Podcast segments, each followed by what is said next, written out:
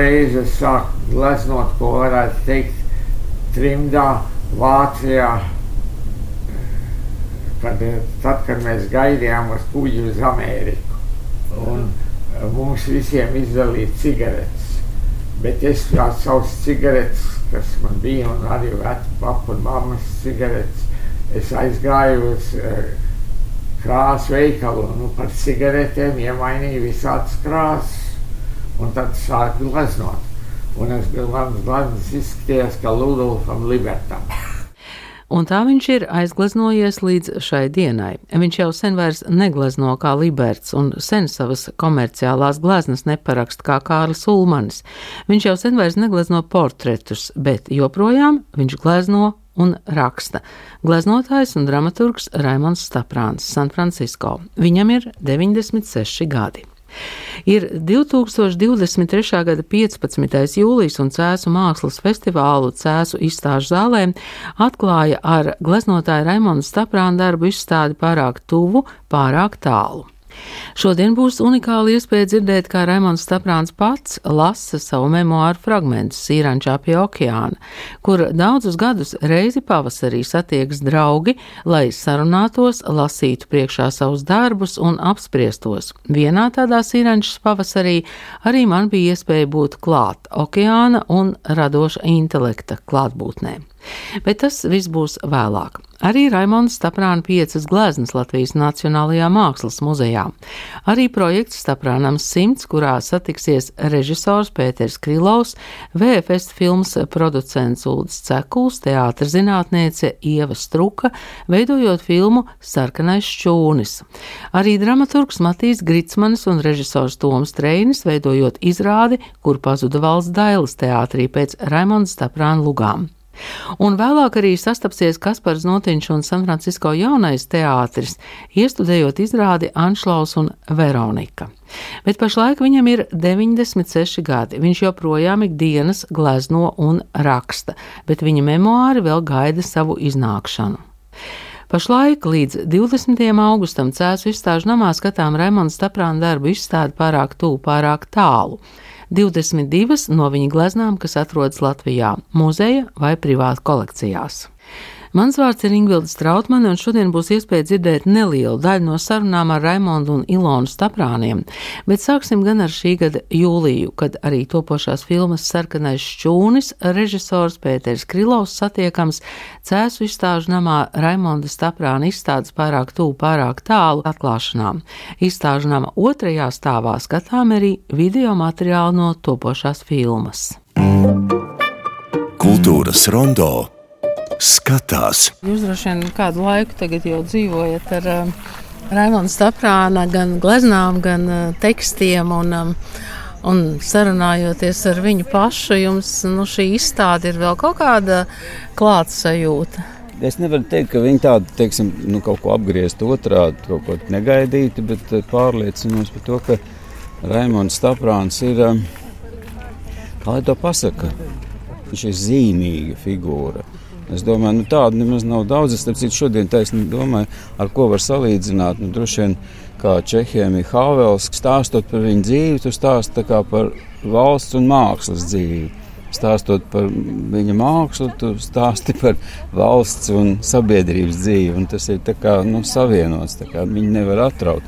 Kaut gan, protams, glezniecībā viņš varbūt ir vis tāds. Nu, introvertākais, ja, ka viņš ir pats sevī tā, bet, bet tā pašā reizē, nu, paskatieties, cik tā glāznas ir eh, piesātināts, cik viņas ir tādas, nu, lielas, ja, pat arī mazie portreti, mazās sejas, ja, tie mazie darbiņi, ir tādas, kas tā kā izpleš, un tā, man liekas, ir arī ar viņu runājot, kad es domāju, kā varbūt vienam cilvēkam, viņš patiesībā sakot, ir ļoti kluss, pat kautrīgs cilvēks, kurš nepārāk sevi afišē un, un tā nes ārā. Ja, bet, bet, um, Visa viņa dzīve un visi, visi tie notikumi, kas ar viņu saistās, nāk ļoti zīmīgi.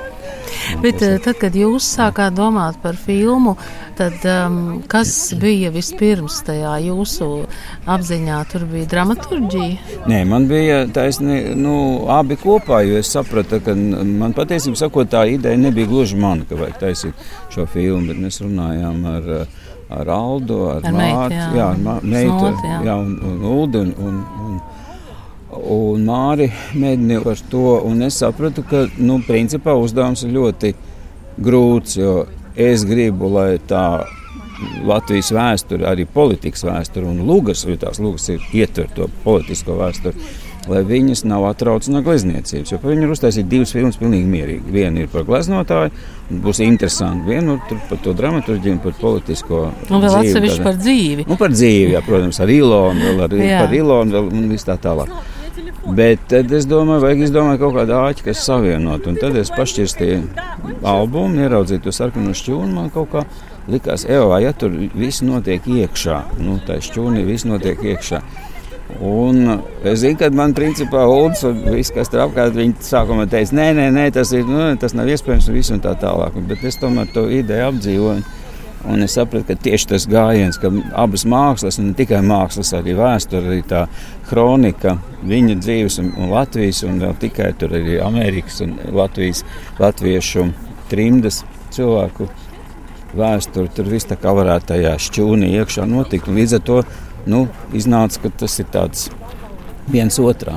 Tāds, jā. Bet um, tagad, skatoties izstādi, un droši vien, ka es nezinu, jūs droši vien nepiedalījāties tajā izstādes koncepcijas Nē, izveidē, noteikti vai ne? ne, nē. Bet šeit ir ļoti daudz sarkanās krāsas, Jā, jā. vai ne? Jā, Tā jā, kā, jā. nu, Nē, nu, nav, tur labi, viss- nav sarkanās šķūņi, Jā, bet nav šķūņā, bet nu, tas arī nav vajadzīgs. Jo, jo, protams, ka viņam tā sarkanā krāsa, nu, saprot, tur ir tā, ka viņš arī tā, ka viņš nedomā, nu, gleznot, viņš arī saka, ka viņš nedomā gleznojot, ja, ka tas tā kā tāds intuitīvs process. Bet viņam vienalga tā viņa mm, kaut kāda attieksme pret dzīvi, dzīves redzējums, tas skalpels, ja, kā viņš griež to savus priekšstats par dzīvi, tur ir jūtams. Un tie tādi, viņi, tās glāzes ir stipras, un tur pat nevar, tur pat, es nezinu, man, es ne sevišķi pat gribētu, lai man kāds mākslas zinātnieks atpreparē viņus un izstāsta, ko viņš tur redz, ja ne, jo es vienkārši skatos gan uz tām peizāžām, gan uz tām sejām vai uz kaut kādiem dažiem priekšmetiem, tā es nosacīju tajās klusējās dabās, cik nu tur ir, kad es saprotu, ka viņas, nu, pulsē, ka viņas kā, nu, Tas priekš manis vienmēr ir, kad glāznieks pat nezina to, nu, teiksim, to pašu vērmēru, ko viņš piemin. Ja? Bieži vien viņam tāds mazs glāznis, maziņa tāda, ja? bet, kad tu skaties, viņi tev liekas, oh, izplešās. Un, nu, tas arī, starp citu, ar kino kadru. Ir kino kadrs vienmēr ir, ja viņš ir tikai, nu, fiksē, nu, to, ja viņš tāds ļoti perfekts savā iekšējā kompozīcijā, viņš nes tikai ļoti mazu informāciju, bet ja viņš tā kā tu jūti, kas ir aiz rāmja, ja, ka viņš, kā, viņš ir koncentrējis kaut ko visapkārt. Ja, tā, tas ir stiprā attēla nu, tāds sindroms. Arī raidījumus par Raimonu Staprānu varētu taisīt vairākus. Par viņa attiecībām ar vēsturi, par lugām, par dzīvi trimdā un attiecībām ar cilvēkiem, un, protams, par glezniecību. Šoreiz vairāk par to, bet ne tikai. Stiprs attēls un stipras zīmes, tāpat kā pašportrets, ar kuru kuratore Maija Rudovska ir iesākusi izstādi pārāk tūlu, pārāk tālu. Maija Rudovska izstādi veidojas no Latvijas kolekcijās esošajām Raimonda Staprāna gleznām, bet tikšanās un sarunas ar pašu autoru ir bijušas noteicošās. Un, uh, man šis ir tāds liels izaicinājums. ik gadi. Es pat sākumā tā apdomāju, vai es gribu, jo nu, es neesmu strādājis ar tādiem māksliniekiem, klasiķiem, vai, nu, kas nav saistīti ar mūsdienu mākslu. Un, un tad es veicu šo braucienu uz San Francisco. Apciemot Raimondu, un es biju sev tā domājis, ka tad es izlēmu par šo projektu, tad, kad es pie viņa paciemošos. Un, nu, tas bija tāds, tad uzreiz Un tas izšķīra visu, vai ne? Jā, nu man vienmēr ir pašai ļoti svarīgi satikt mākslinieku, kaut kur tā kā saprast, vai man kaut kā arī izdodas tādā sarunā, varbūt vai tieši vai netieši, jā, bet vai es kaut kā, kā saka, sakonektēju ar viņa tiem darbiem, jā, jo man negribas veidot, piemēram, tik atbildīgu projektu, ja, ja es pati nejūtu, ka es tā kā, man būtu interesanti arī iz, izzināt, jā.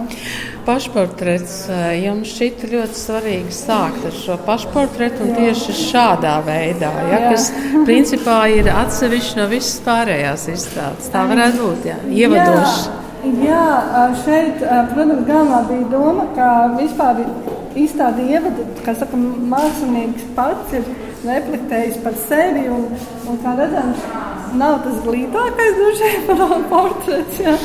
Bet Stavrānam piemīt, manuprāt, tādās ļoti tāda intelektuāla spēja ironizēt par sevi un šaubīties par arī visu, ko viņš pats dara, kas ir tāds normāls, man liekas, mākslinieka, jeb radošs cilvēku šaubas.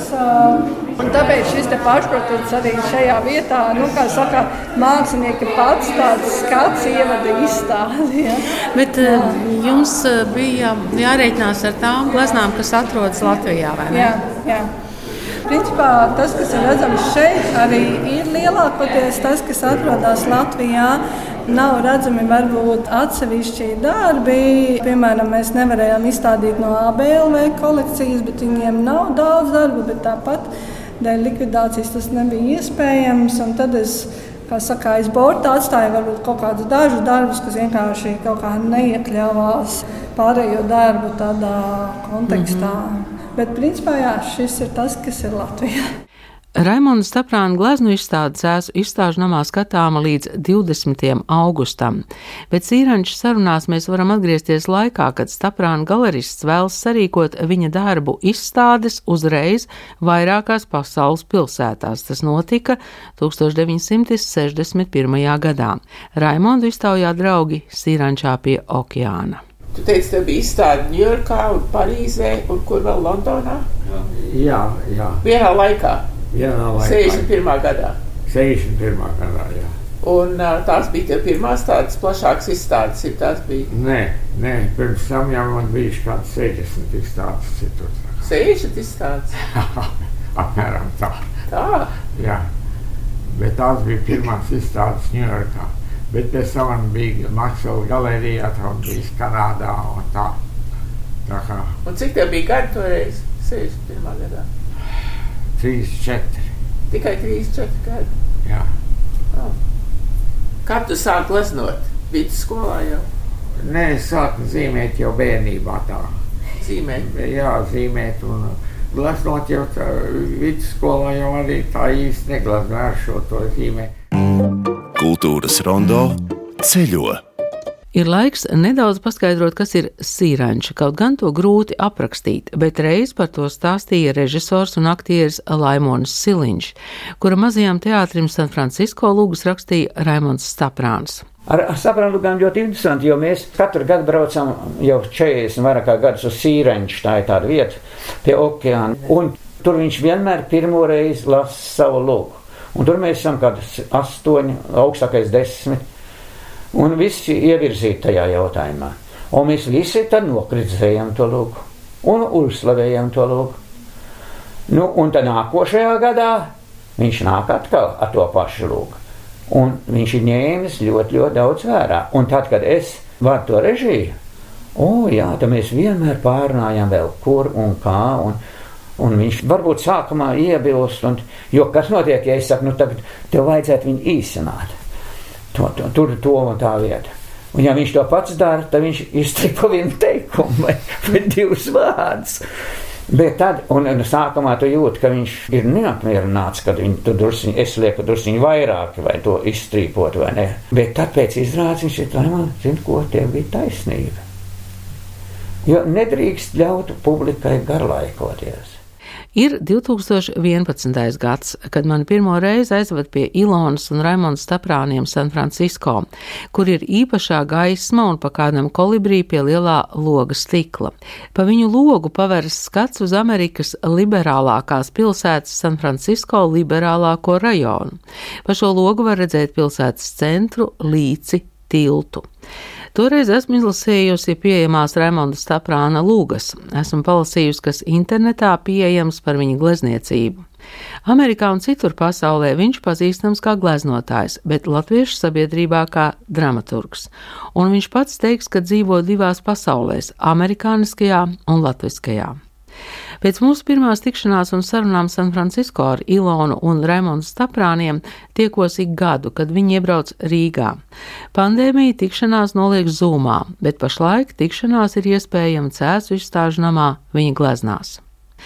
Kad Raimons Staprāns 1947. gadā no Vācijas iebrauca Amerikā, viņš tāpat kā daudzi citi trimdnieki strādā visdažādākos darbus. Un kāds darbs jūs darījāt, kad jūs atbraucāt uz Ameriku? Ar ko jūs sākāt? Viss visāds. Nu, Patiesībā, pilnībā būs jāizlasa man memoāri, ja es pabeigšu.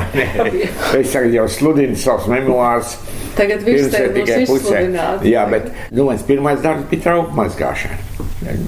Es mazgāju traukus. Un tad es uzdevu, jo, kā saka, beigās tās rokas neturēja. Nav jau kā tagad, kur restorānos tās trauku mašīnas ir. Tu to arī ar šķīvi un liels šitā izliet, un tu tik mērķis iekšā un uz ziepiem. Un pēc kādām trijām nedēļām man viss samatās rokas palika jēgas, vai ne? Un tad es pārgāju strādāt kaderijās, vai ne? Tad- Tad griez aprikos, griez. Koncertu fabrika. Ah, Jā, koncerts. augļu konservu. Un tad es strādāju, kā saka, šī te, nu, ko sauc, eh, ka varētu teikt, notiek ūdeņu to kanālu tīrīšanai. Un tur labi maksāja. Tāpēc, ka tur ir šmucīgs darbs, viss ūdeņi. Un, Bet eh, interesanti, ka man nekad tāda sūda nav tāda. Daudz man nekad nav traucējis sevišķi. Tur ļoti labi maksāja salīdzinot. Kā piemēram, skaities labi alga toreiz. Tad atbrauc eh, nu, toreiz vienu dolāru stundā, bet tur maksāja četrus. 4 dolāru stundā. Jā. Bet nu, ar tomēr varētu teikt, ir, ka pēc kāda laika paliek arsūdīgs darbs, vai ne? Tomēr. Un tad es domāju, kur laba, pasies, kur labāk maksāja bija noliktavās, saldētavās, saldētavās, liels mājas saldētavās, vai ne, kur tur saldētavas produktus un ne. Un uh, tur arī padēs, ka tas aizgāja uz laiku, tur labi maksājas, vai nu kas tur lielie, tur pakrāmēt kastes ir. Un sevišķi vasaras laikā ir nekas tur nav. Bet tā nelaime ir tāda, ka tur apmēram temperatūra ir apmēram, tiek turēta apmēram 10 grādus zem nulles Celsija. Tas ir to, viņam, viņam ir zināms likums, ka tev jābūt vai ne konservā. Viss tās kastes, tā lielā, tā šausmīgi lielā nolikta un dzesinātāji tev pūš no visām pusēm motoru. Tad, ko, nu, ko, ar ko viņi tev dara, vari drīkst uzturēties 40 minūtes tur strādāt. Pēc tam tev jānāk ārā un tu vari atvilkt telpu. Un kas te tu izkāp ārā? Ārā tev 30 grādu karstums ir. tu noģērbies nost. Un eh, tad tu drusciņi tā kā saka atsilsti. Un tad vēl sakal visus tos cimdus un visas tās pufaikas un, un mugurā, jo tiešām, kad tev desmit grādu sals un, un kad tev pūš no visām pusēm, tas subjektīvais augstums ir daudz lielāks nekā tas ir. Tu tiešām tu vairāk te nevar uzturēties ar visā, visām drēbēm. Nu, un, tur es arī strādāju kāds pāris mēnešus, un tad es uzdevu, vai ne? Es dabūju bronhītu un klepu. Un, un, Un tu nepierasti tev tā- uz tā temperatūras maiņa no 10 grādu salu uzreiz no 25, 30 grādu siltuma. Iekšā, ārā, iekšā, ārā. Atkal nekas nav labs. Un tad es sāku strādāt ar par krāsotāju. Un, Jau tuvāk. Jā, tas ir tuvāk par, par, par krāsotāju. Un tas bija vieglāks darbs, bet uh, beigās arī es to uzdevu. Tad, kad sāku krāsot mājas, kur bija 4-5 stāvu augstumā. Un tur, kur es jau biju sēlamā, kur bija. Tad beigās jau bija pieņemts, ka eh, krāsot, zinu, tur stāv to laivas lībilniem, māju. Un tad uz stalažām tur tāds stalažs, tev tur viss izkustās un skaties leju un tev jākrāso. Un eh, man vienkārši bija bailes. Un to es beidzot arī ne? Tā. Tā kā visādas darbas, tad tas ir tāds izgādāja darbu, tur, kur viņš strādāja slimnīcā. Tā ir Un tur bija tāds liels slimnīcas dārsts ir un, un, un milzīgs. Tad gādāt, lai viņš vasarā tiktu apūdeņots. Un, un tas bija tas labākais darbs. Un tā pa starpām tā šādi tādi visādi tādi sīkāki darbi bija bijuši, vai ne? Jo zemenes esmu lasījis uz laukiem, jā. Tāpēc tagad Ilona saka, nu iesim, nu tagad ogas, man tā gribās ogas Jā, man palsīt. Es tas saku, patīk es saku, man, man uzreiz spiediens ir. Spiediens ir, varētu teikt, es jūtu, kad sirdī, ka man vispār jādomā par ogu lasīšanu. Es eh, kād, ar kādu mēnesi esmu nolasījis zemenes, un eh, nu, ar suņi darbs tur tu, tu noliecies, un, tu, un, un, un, un cik tu saplūci. Tik tev ir, un es skatos lielākoties, kas tur strādā, ir, ir meksikāņi. Viņa vēl aizvien to dara. Jā, viņi vēl aizvien to dara, un viņi to dara milzīgi veikli, un viņi var arī nopelnīt milzīgi labu. Un, un es man nopelnīju maz, es savu Nevarēja necik vietu par odziņai tur, un viņi to tik veikli darīja.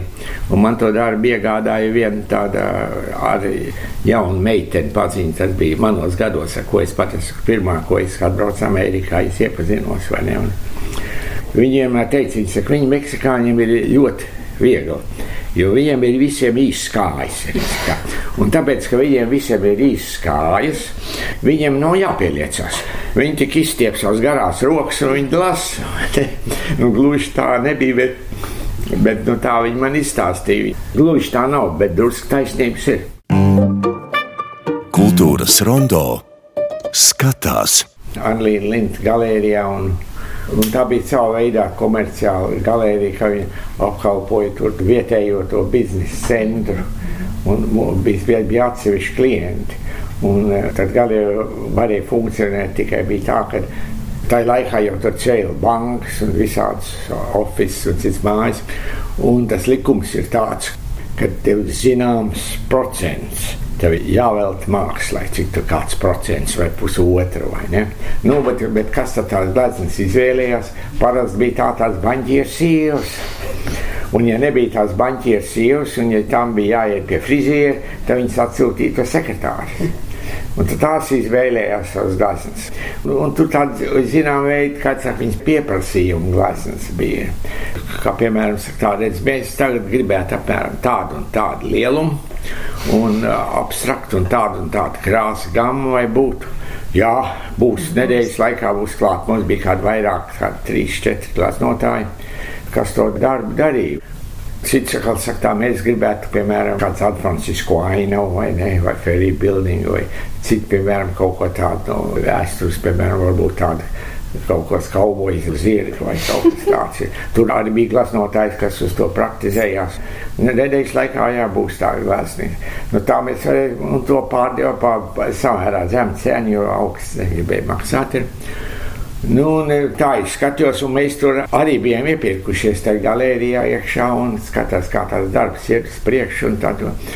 Man un tā vēl viena tāda otra bija pazīstama, tāda žīrieta Merilina Rabinoviča bija. Un mēs tagad, mēs, nu, mēs tā galu galā viņi tik ātri uzgrūž, no tādas gleznas ir pārdotas lētas, bet viņi tomēr milzīgi labi nopelna par to, ko viņi darīs.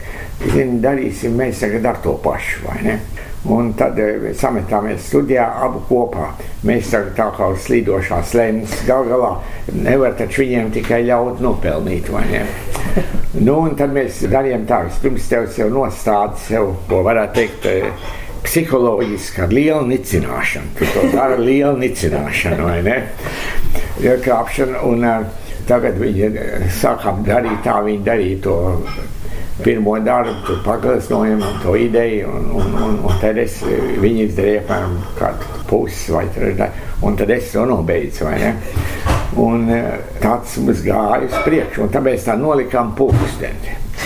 Tādā veidā, kad uh, uz šitos draņķus glaznojot, mēs neveltīsim tur daudz laika, mēs veltīsim vienu vai divas stundas, kā pulkstenis nozvan, tā ir cauri. Un tas ir viens tam, kas skatītājiem ir viss viens, patiesībā sakot.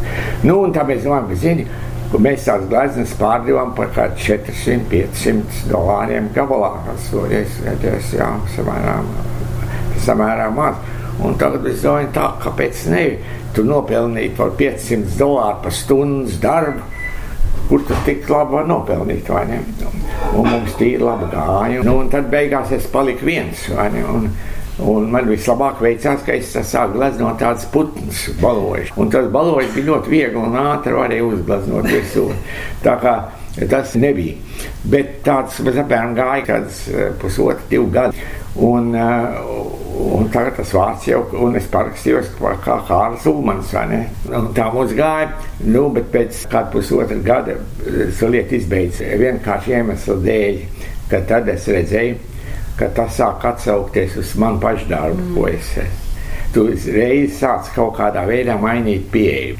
Un tu uzreiz meklē to vieglāko ceļu, un tu sāc smērēt to.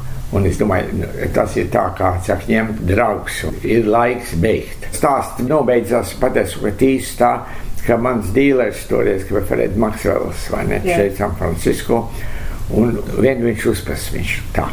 Šeit ir tagad uzpeldējis tāds populārs eh, glaznotājs Kārls Ulmans. Nu, un, eh, un, un, un tas bija tas beidzamais salms. Viņš saka, Nu, ir, nu, ir pienā. Viņš tā zina, ko. Un viņš labi pārdodas, un es labprāt ar viņu iepazītos. Un, un, tā tālāk.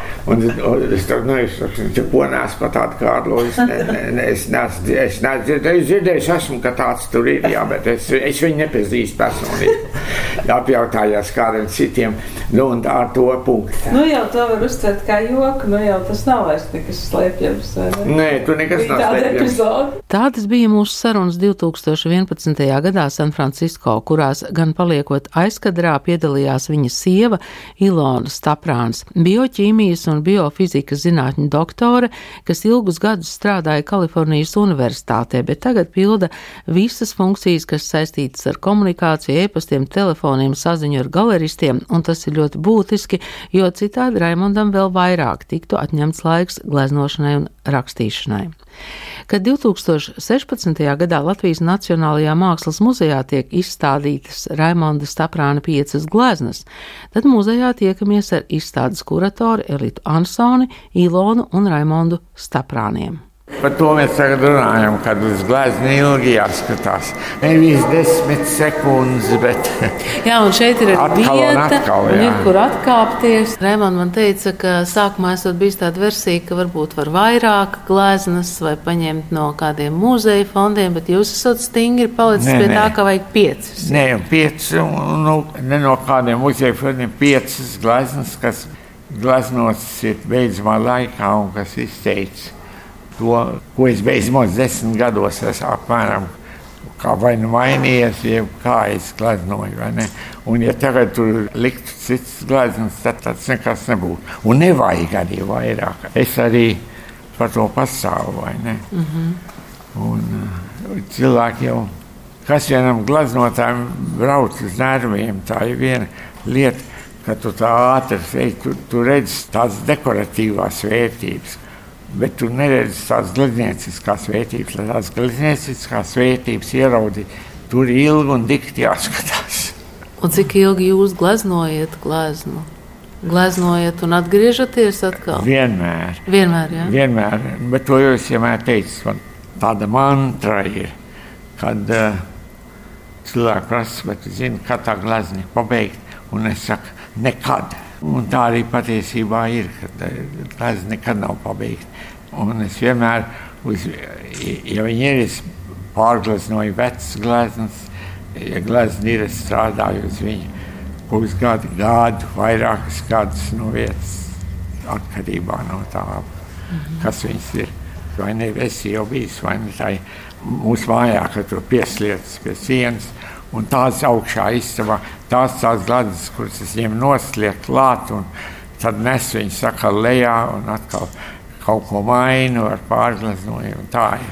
Lejā tas ir uz darbnīcas, jā? Jā, uz darbnīcas, mm -hmm. darbnīcas tur lejā, un tagad stiep augšā un lejā, un tad viņš viņā labi, kā saka, vingrināt muskuļus, un kāja ar pagaidām.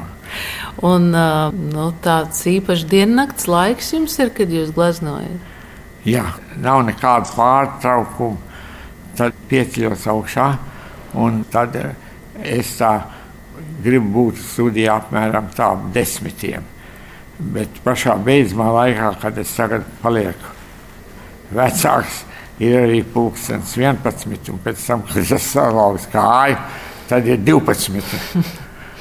Tā tāda ir, tā ir tā.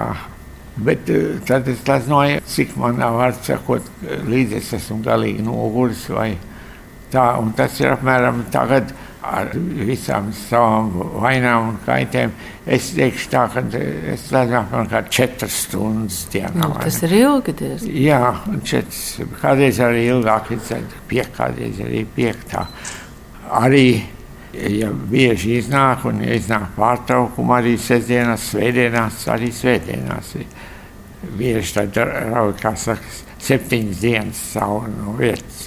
Tas ir svarīgi, raud no vietas. Un tur var būt, kā saka, arī drusku ģimenes konflikti, jo kamēr es gleznoju tur, Ilona tagad pensijā, viņa saka, ko es vienu augšā daru, mums nav ko parunāties. Un tā arī tas ir, nav ko parunāties. Un tu, cik tu, tu noej lejā, tad tu nāc augšā, tad tu esi nerunīgs, tu ēdi vakariņas vai ne, un tad tu atkal lej kaut ko lejā, kaut ko rakstu, vai tu ej pastaigāties, un tad jau gultas laiks, un tad tu skaties televīziju. Un, kā varētu teikt, es esmu slikts kompanjons televīzijā. Bet nu, tajā gleznošanā jau jūs esat tāds vientuļnieks? Jā, nu, bet tā ir daļa no profesijas. Un to es vienam saku, ja tu nevari panest vientulību, tu neglezno. Jo literatūra rakstīšana ir vientuļība. Tev jābūt vienam un tev jābūt netraucētam. Un tā tas ir. Un ir arī tā, ka es, piemēram, man tagad tas labums ir tas, ka es neatbildu telefonu, Ilona atbild telefonu vai ne. Un viņi raksta visu e-mailus, jo e-mail rakstīšana paģēra laiku, un laika ir mans. Viņa ir kā vidutājs starp mani un reālo pasauli. Ilona, jūs esat asistenti. Ja? Jā, palīdz. Tāds zemāks šķirs palīdz. Nē, nav zemāks šķirs. Tu- tu- Redz, uzticās. Jā. Viņa dara, dara visu to, ko es nemāku darīt. Un arī par ko es ļoti pateicīgs, kad viņa arī praktiski, kā vārdsakot, kas ar glezniecību notiek, kas ar galerijām notiek.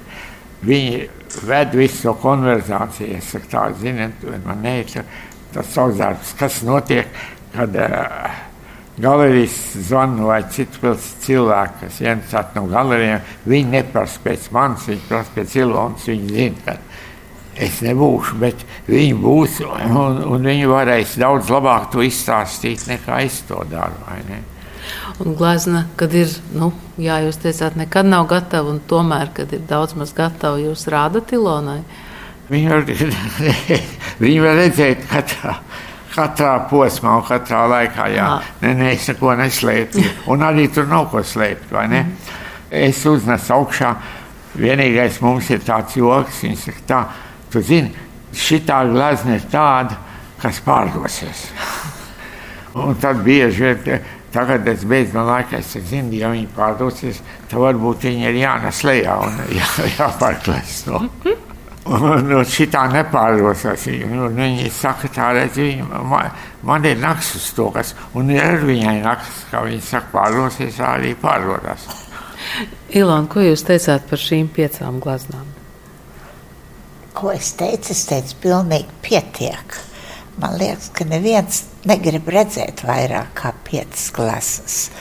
Un es domāju, tas viss apmierina. Viņi ir atnākuši, izstādi apskatījušies, un nebija pārāk daudz jāpiepūlās. Piecas klases, desmit sekundes uz katru. Pilnīgi pietiekoši. Tās krāsas, tās formas, tās līnijas Raimondam ir mainījušās. Nē, tāds jau tagad ir vairākus gadus. Apmēram tie tukšie laukumi nav mainījušies. Viņš jau glazno tukšs laukums gadiem. Tāpēc kāds teica, ka viņš ir tukšs laukuma glaznotājs. To teica Vācijā. Paglabāju to recenziju, ka man es izstādījos Hamburgā. Es biju izstādījis Hamburgā un uh, vācu žurnāls Divēl. Jā, un viņš teica tā, es nezinu, bet kas viņš ir, bet viņš ir tukšo laukumu glaznotājs. Jā, tā ir. Un jūs tam piekrist? Jā, noteikti, noteikti. Tā, tāpēc, ka tas ir manā dabā, vai ne? Tukšie laukumi ir manā dabā. Bija tāds galvu periods. Savā veidā vēl vienmēr bijis, bet tas varbūt sākās ar to, kad es jau gāju skolā un es domāju, kā es tikšu skolai cauri, kā es varēšu pelnīt maizi. Un es domāju, ka es gleznošu portretus cilvēkiem. Nu, un, uh, portreti glezniecība vienmēr ir iecienīta, jo cilvēks sasniedz zināmu statusu. Viņš grib savu ģīmi redzēt tomēr. Vai nu ģīmi, ja, ja viņam tas status vēl lielāks, tad viņš grib redzēt visu augumu. Un tad es praktizējos uz galvu glezniecību, un es ņēmu tādu pāris klases, kur gleznoju tikai portretus. Un eh, tad es pats, lai trenētos, gleznoju personas, kur vien bija ar mieru sēdēt. Un, eh, vai vīrieši vai sievietes ir vairāk meitenes. Un tā es apmēram uzlaznoju tā, ko es varētu teikt, pirmo simtu. Un, eh, tad es arī, kad eh, es skolu beidzu, man liekas, kad es biju tā diezgan iepraktizējies. Nu, un, lai tas portrets glaznot, tad man bija par laimi viens labs skolotājs, kurš ar man tāds kurš bija atbraucis no Eiropas un kokoškas draugs, kā varētu teikt, kurš eh, man mācīja, patiesībā sakot, viņš man iemācīja vienu otru triku, kā gleznot portretus tā, lai tas sērētājs, lai viņš tos pieņemtu, jo ļoti daudz, kā varbūt, nezinu, ka ļoti daudz portretu tiek noraidīti, vai ne? Tu iemācies, kā respektīvi viņš ir jāglezno, ka viņš izstāsta mazliet jaunāks. Tas ir noteikti un mazliet smukāks nekā viņš ir dabā. Mm -hmm. Un to var izdarīt ar praksi un ar citā. Nedrīkst uzsvērt vertikālās līnijas, tev jāuzsver horizontālās līnijas. Un tā tur vēl daži tādi vienkārši paņēmieni. Knifijā. Knifi, ko tu gleznojot portrets, ko tu iemācies. Un, Nu, tad, eh, kad es to beidzu, tad man bija tā galērija, Maksvela galērija. Viņš sagādāja dažus klientus un gleznoja portretus. Un tā es tā pa starpām gleznoju portretus kādus desmit gadus. Un uh, pašu beidzamo portretu es uzgleznoju 61. gadā, tad, kad mēs precējamies Ņujorkā. Tas ir īsti tā, tas ir svarīgi. Ne, tas nebija gluži beidzamais, bet tas bija beidzamais portrets par naudu. Man bija liela runāšana ar to galeristu, kas man Fredi Maksvela, kā es saku, man tas līdz kaklam es vairs nevaru nevienu portretu glaznot. Es savu mūžu nevienu portretu neglaznošu, un pie tā klāt neķeršos. Un viņš to saprata, jā. Un pēc tam portretu gleznošana, teiksim, ar kādu 62. gadu arī izbeidzās. Cilvēkam prasa, tu neglezi no portreta. Tu pats savu sījonēs uzgleznojies, nē, es neesmu. Un bērnus arī nē, un negleznošu arī. Nu tā. Kā tās gleznas, cik ilgā laikā viņas top, cik slāņi tur ir uzklāti, kā vienlaicīgi vairāks var būt to. Jā, kā tas ir tiešām gadā viena. Glaznieki vairāk, vairāk, vairāk, vairāk gadā viena nav. Patiesībā sakot, tagad eh, es rēķinu tā kādas 5, 6 gadā. Glaznojas viņas noliek nost, tad ķeros pie nākošās, jāglazno, un tā viņas rotē. Memoāri vēl ar vienu top. Viņi top, jā, bet viņi tiek vienmēr pārrakstīti. Un tā nelaime, kā jau es agrāk minēju, ja tu publicē, tu pazaudē visus savus draugus, vai ne? Ieskaitot ģimeni, Bet Ilāna jau ir lasīta. Jā, un... Nē? Ne, viņa, es viņai nedodu lasīt, vai ne? Nē, ne, es, es lasu, vai ne? Bet es lasu priekšā. Es lasu priekšā tad sīrēnčā, vai ne? Tur, bet nu, tagad pašlaik mēs pienākam pie tādām kritiskām lietām vairāk, kur es vairs tā nevaru locīties ārā un kā visiem ir laba, vai ne? Un pašlaik ir problēma. Vēl viena, vēl viena sesija, vēl viena sesija iznāk. Bet tad, tad, tad es nezinu, tad ir vakars. Jā. Tagad gan pienākusi kārta ekskluzīvai iespējai paklausīties, kā savus memoārus lasa pats autors Raimons Staprāns. Tie vēl gaida savu izdošanu, bet kas to lai zina, varbūt Raimons vēl joprojām labo, svītro un raksta.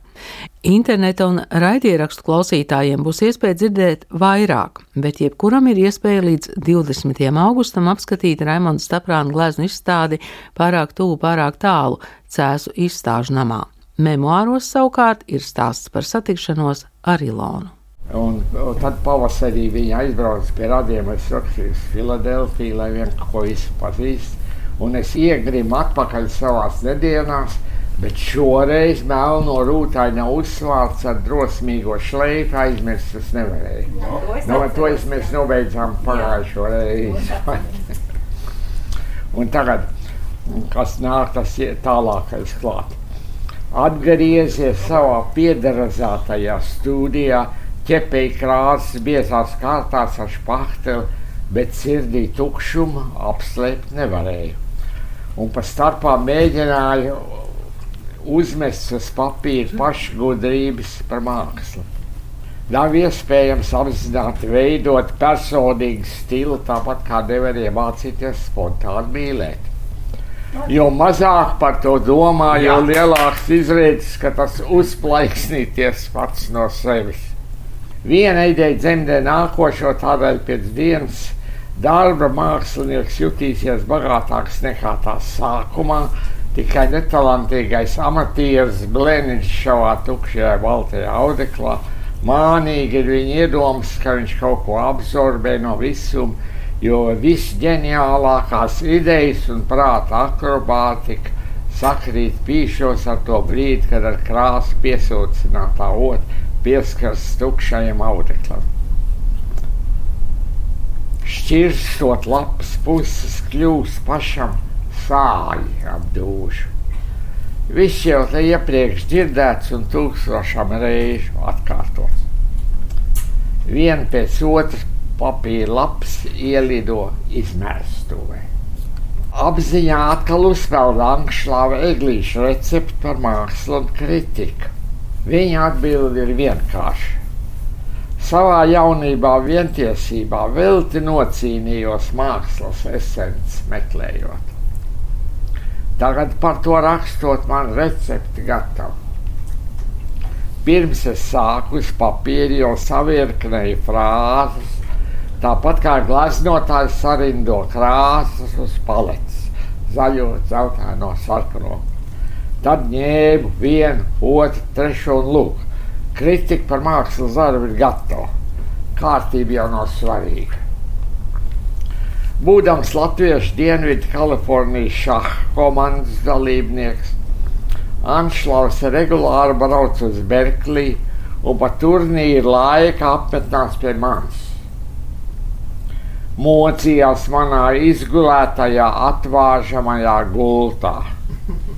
Katru nakti pirms gulēšanas viņš ieņem trīs sekonālus, ko noskaloja lejā ar glāzi baltvīnu. Nu, tikai tā, lai nostabilizētos. Un lai nākamajā dienā pie šāda galdiņa būtu labā formā. Pirms iemikšanas žēlojās, ka dzirdējis, ka mana māte izteiksies, ka viņš šavos romānos lejot tikai šķidro. Kas tev tādas ziņas pienes? Kas tas ir? Tas Aida niedra. Niedrai savukārt esot stāstījis Zinaida Lazda. Kā tās abas dižšījos nesaprotot, ko nozīmējot divas reizes nedēļā rakstīt turpinājumu rudzīšu avīzē. Kā uzrakstot tā pa gaisa pastu prom. Nekad vairāk kā par diviem turpinājumiem uz priekšu. To pašu izdodot grāmatā, gribētu gan no jauna pārrakstīt, bet Rudzīts neļaujot, jo būdams sīksts, to pašu avīžu salikumu lietojot arī grāmatā. Nu, tas taču nav cilvēcīgi. Voldemārs Kārtiņš žēlojas par to pašu. Anšlāvs saslējās. Kas tad Oldeņam kaiš? Viņš naktsargs, trako namā, Tur aiz gala laika uzsvērēja visus savus romānus, un par to vēl saņem divas algas no administrācijas un no rudzīša.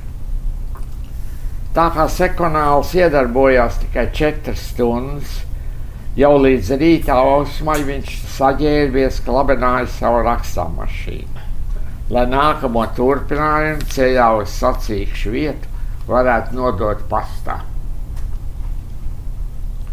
Salīdzinājumā ar Anšlāvu dzēnieks Vaivana Andrejs, Andrejs Eglītis no Zviedrijas, iebraucis un pie manis apeties par izdevējiem nežēlojās. Viņš turējot pa Ameriku, Amerikas latviešu kolonijām ar saviem dzējas vakariem, ar ko es pats nodarbojos, protams, nepjautājās. Esot ceļā noguris. Atspērēdā gulta viņa netraucēja. Nekādas smiega zāles arī nedzerot, jo guļot visur vienmēr un labi. Pēc dabas nebija runātājs. Gults vieta un tas viss. Klusējot notiesājis mans speču un olas brokastis, viņš tāpat bez liekas atvainošanās un runāšanas piecēlās no galva. Jāsāk klusēties. Man tagad sarunāts ar. Noklaudzīja durvis, un tā arī no viņa vairs netika dzirdējis. Nu, laikam jau vajadzēja tikai gultas vietu vietu. Vasaras vidus. Augstais, miglainais San Francisco līdz jūlija mēnesis par tādiem kā man sāk saldēt kaulus, un viņai, un, un tas, ka viņi domā, tas ir tādu, kas ir seši tuvi. Bet es viņu neminu vārdā, vai ne? Viņai aizbraucot uz Filadelfiju, Berklī šķita vēl tukšāk un nedraudzīgāk. Lai sasildītos, bija jau sagatavojies doties uz savu studiju, vecāku mājas siltajā garažā Oregonā, kad neaicināts ieradās vēl viens traucētājs. Jaunais zvejnieks, rakstnieks Saīds Niedras dēls Andrijs Salmiņš Sāku jau kraut manas mašīnā braukšanai, kad manas aizteitiski pārpilnās skumjas vēlreiz pārtrauc Boida Allena ierašanās ar kasti alas. Slings glaznotājs, bet labs politiķis Boids bija pieteicies uz vakanto instruktoru vietu. Kvalifikācija bija vajadzīga personāla izstāde, ko toreizējais lielākās avīzes galva kritiķis Olbraits pagalam noēda.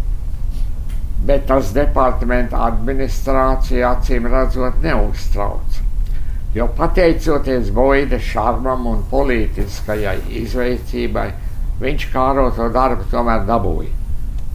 Tādēļ kaste alus un svinēšana līdz agrajai rīta stundai – ka dabūjis viņu un pārējos pa durvīm laukā pārgurs turpināja kravāties. Līdz septembra vidum laiks Oregonā ir silts un saulains. Un tagad kaut kur man daļas ir tai kursībā. Pārrakstot augšējās rindiņas sajūt, ka bija izlaidis no teksta pašu svarīgāko. Tādēļ atmiņās pārlats vismaz 20 gadus uz priekšu. Bojas patot starpi centīgi rāpjas par akadēmisko trepju kāpnēm, beidzot kandidēja uz pilnu profesūru un tam atbilstoši departamenta galvas posteni. Atkal bija vajadzīga nelaimīgā personāla izstāde. Savāds tās pašas, vecās, noputējušās, kritiķi iepriekš nozārkātās 12 gleznas, Viņš sarunāja to pašu kā Lēvija, kas kurnēdam bija ar mieru tās vēlreiz izstādīt. Kritiķis Olbraits vēl vairāk nosirmojas, bet mākslas izpratnē acīm redzot pēdiņās audzis. Pirms gadiem paša nokritizētās gleznas šoreiz pamatīgi noslavēja, nosaukdams tās par brešu priekšmetīgās glezniecības paraugdarbiem. Bet es kopš tā laika, lasot kritikas par mākslu, izbaudu tikai rakstītāju asprātīgās vārdu kombinācijas. Vienmēr paturot prātā New York Times mākslas recenzents, Greisas Glikas komentārs. Katra kritika ir subjektīvs process. Nav tāda lieta kā objektīva kritika. Un kā lai vispār apraksta to, ko jābauda ar acīm? Klusējošā mēmā mākslas darba priekšā, jebkura recenzija izklausās kā viens vienīgs traucējošs troksnis. Rudenī pavadījis vasaras atvaļinājumu pie rādījuma Filadelfijā, Berklijā, beidzot atgriezās viņa ar bēdiņās ar izsaucamo dzīvi. Mana māte saka, ka es izskatos tāda pati kā vienmēr, tikai no manas esot vairāk. Esot pieņēmusies gandrīz piecas mācības. Un citādi Nu, garlaicīgi. Ēdu tikai kūks un vakaros dārzā gaiņāja otrs. Tagad būs jāsāk dietēties, lai nocītu. Ziemai atnāk, bet satikāmies bieži. Es vienā intervijā. Viņai piemetīja īpašības, kas man joprojām cilvēkos fascinē. Viņu interesē viss jaunais, aizrautīgi grib kaut ko iemācīties. Tajos gados jaunas meitenes maz par ko interesējas. Runā tikai par sevi. Viņa. Man tas puisis šķita dīvains. Viņš jau tagad tāds ir. Pie viņa jāpierod. Toreiz man fascinēja viņa zināšana visādās jomās. Tagad gan es vairs tā nedomāju. Nākošo vasaru uzaicināju viņu pavadīt atvaļinājumu vecāku mājā Oregonā. Šim braucienam gan īpaši nozīmi nepiešķīra. Man nebija svarīgi, vai viņas vecākiem patiks. Bet pašai par brīnumu viņa patika. Māte, interesanti un cilvēcīgi. Tēvs pēc izskata temperamenta varētu būt aktris. Pats būdams aizrautīgs, bet netalantīgs tenis spēlētājs, iemenējos, vai arī viņa negribētu pamēģināt. Citu rītu pamodies notupēs pie viņas gultas. Nebūtu jau nekāda iemesla, bet es šorīt jūtos nospiest. Vai tev kas kaļ? Ak, nekas, runāsim par ko citu. Nositām laiku bezmērķīgi braukājot apkārt, esot tur kopā Ar to pagaidām pietika. Kontrastā izdegušai Kalifornijai Oregonas vasaras ir zaļas un draudzīgas.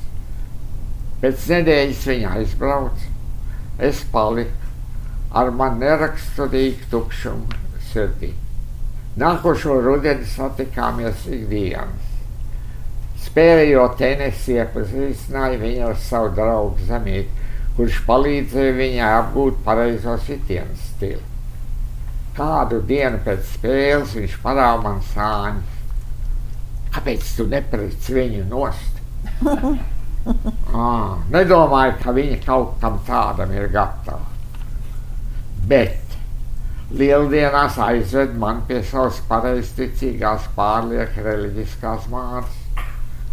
Pusnaktī, kā jau tradīcija to prasīja, Trīs reizes staigāju viņai līdzi ar baznīcu.